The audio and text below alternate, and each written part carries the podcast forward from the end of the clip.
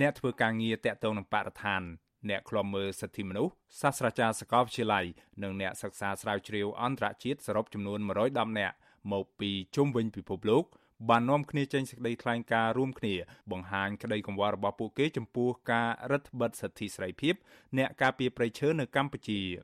សេចក្តីថ្លែងការណ៍រួមគ្នានេះធ្វើឡើងក្រោយពេលអាជ្ញាធរកម្ពុជា បានឃាត់ខ្លួនសកម្មជនព្រៃឈើដែលក្នុងនោះរួមមានប្រធានអង្គការកិច្ចការពិសេសសិទ្ធិមនុស្សកម្ពុជា លោកអ៊ូចលេងនិងសកម្មជនព្រៃឈើជាច្រើនអ្នកទៀតនៅក្នុងពេលដែលអ្នកទាំងនោះបានចូលល្បាតព្រៃឈើនៅក្នុងតំបន់ព្រៃឡង់ម្ដងហើយម្ដងទៀត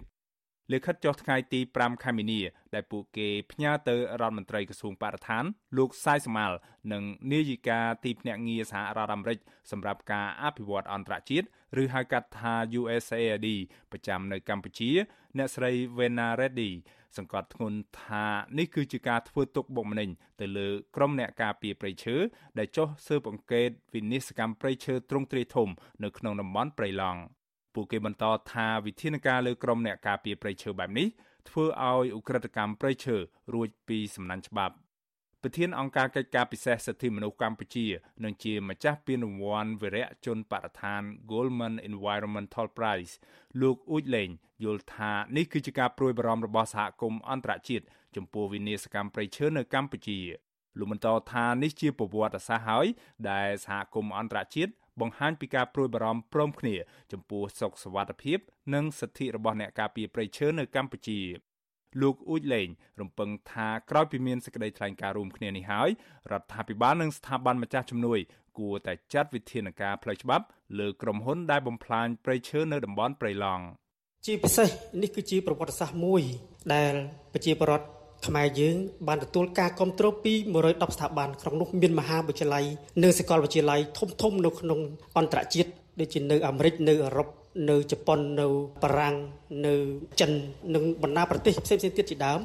អាស៊ីស្រីបានតាក់ទងទៅទីភ្នាក់ងារសហរដ្ឋអាមេរិកសម្រាប់ការអភិវឌ្ឍអន្តរជាតិឬ USAID ប្រចាំនៅកម្ពុជា ដើម្បីសុំប្រតិកម្មជុំវិញកង្វល់នានាដែលបានលើកឡើងនេះក៏ប៉ុន្តែនៅពុំទាន់មានការឆ្លើយតបណាមួយនៅឡើយទេគិតត្រឹមល្ងាចថ្ងៃទី6ខែមីនា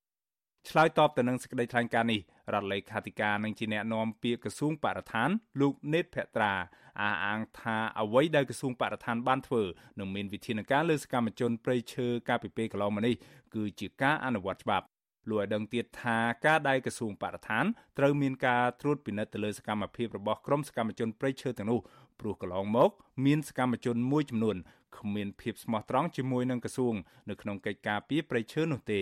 អ្នកនាំពាក្យរូបនេះលើកជាឧទាហរណ៍ថាកន្លងមកក្រសួងធ្លាប់បានធ្វើការជាមួយបណ្ដាញសហគមន៍ព្រៃឡង់ក៏ប៉ុន្តែពេលចេញពីព្រៃមកវិញបណ្ដាញសហគមន៍ព្រៃឡង់នេះបានចេញរបាយការណ៍ខុសពីក្រសួង ហើយពួកគេបានប្រើប្រាស់នៅអ្វីមួយដែលលោកហៅថាជាទិន្នន័យគ្មានមូលដ្ឋានច្បាស់លាស់យកមកវាយប្រហារនិងរិះគន់កិច្ចខិតខំប្រឹងប្រែងរបស់ក្រសួងបរិស្ថាន ពេលខ្លះយើងផ្ដល់កិច្ចសហការកន្លងទៅយើងផ្ដល់កិច្ចសហការក៏ប៉ុន្តែកិច្ចសហការរបស់គាត់បែរទៅជាដៃជន់ជើងវិញឬក៏បង្ហាញភាពមិនស្មោះត្រង់នៅក្នុងកិច្ចសហប្រតិបត្តិការនេះដែលនេះយើងមិនអាចទទួលយកបានទេហើយចាំបាច់ដែលយើងត្រូវការអនុវត្តទៅតាមច្បាប់ហើយត្រូវការដៃគូដែលមានភាពស្មោះត្រង់មិនមែនជាដៃគូដែលចាប់ដៃជន់ជើងទេបាទ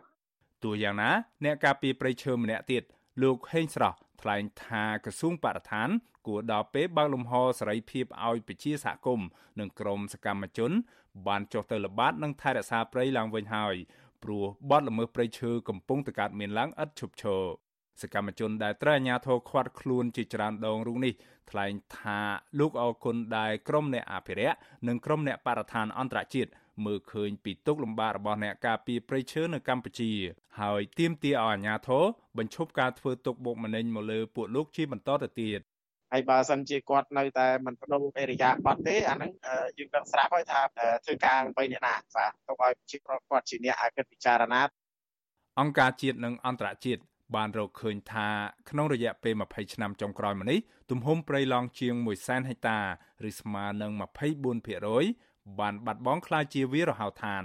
សកម្មជនប្រៃឈើលោកអ៊ុយលេងស្នើទៅរដ្ឋាភិបាលនិងអង្គការម្ចាស់ជំនួយត្រូវមានភាពក្លាហានហ៊ានទទួលស្គាល់ការពិតអំពីវិនាសកម្មប្រៃឈើនៅកម្ពុជា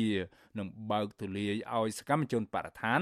អាចបំពេញការងារប្រៃឈើឡើងវិញបានខ្ញុំបាទមេរិតអាស៊ីស្រីរាយការណ៍ពីរដ្ឋធានី Washington